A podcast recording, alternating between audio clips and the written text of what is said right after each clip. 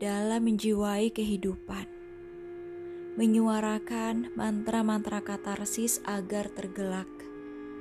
Apa yang ada di pikiran, apa yang ada di hati, dan segala apa yang menjadi perasaan.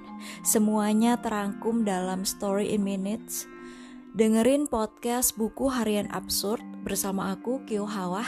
See you.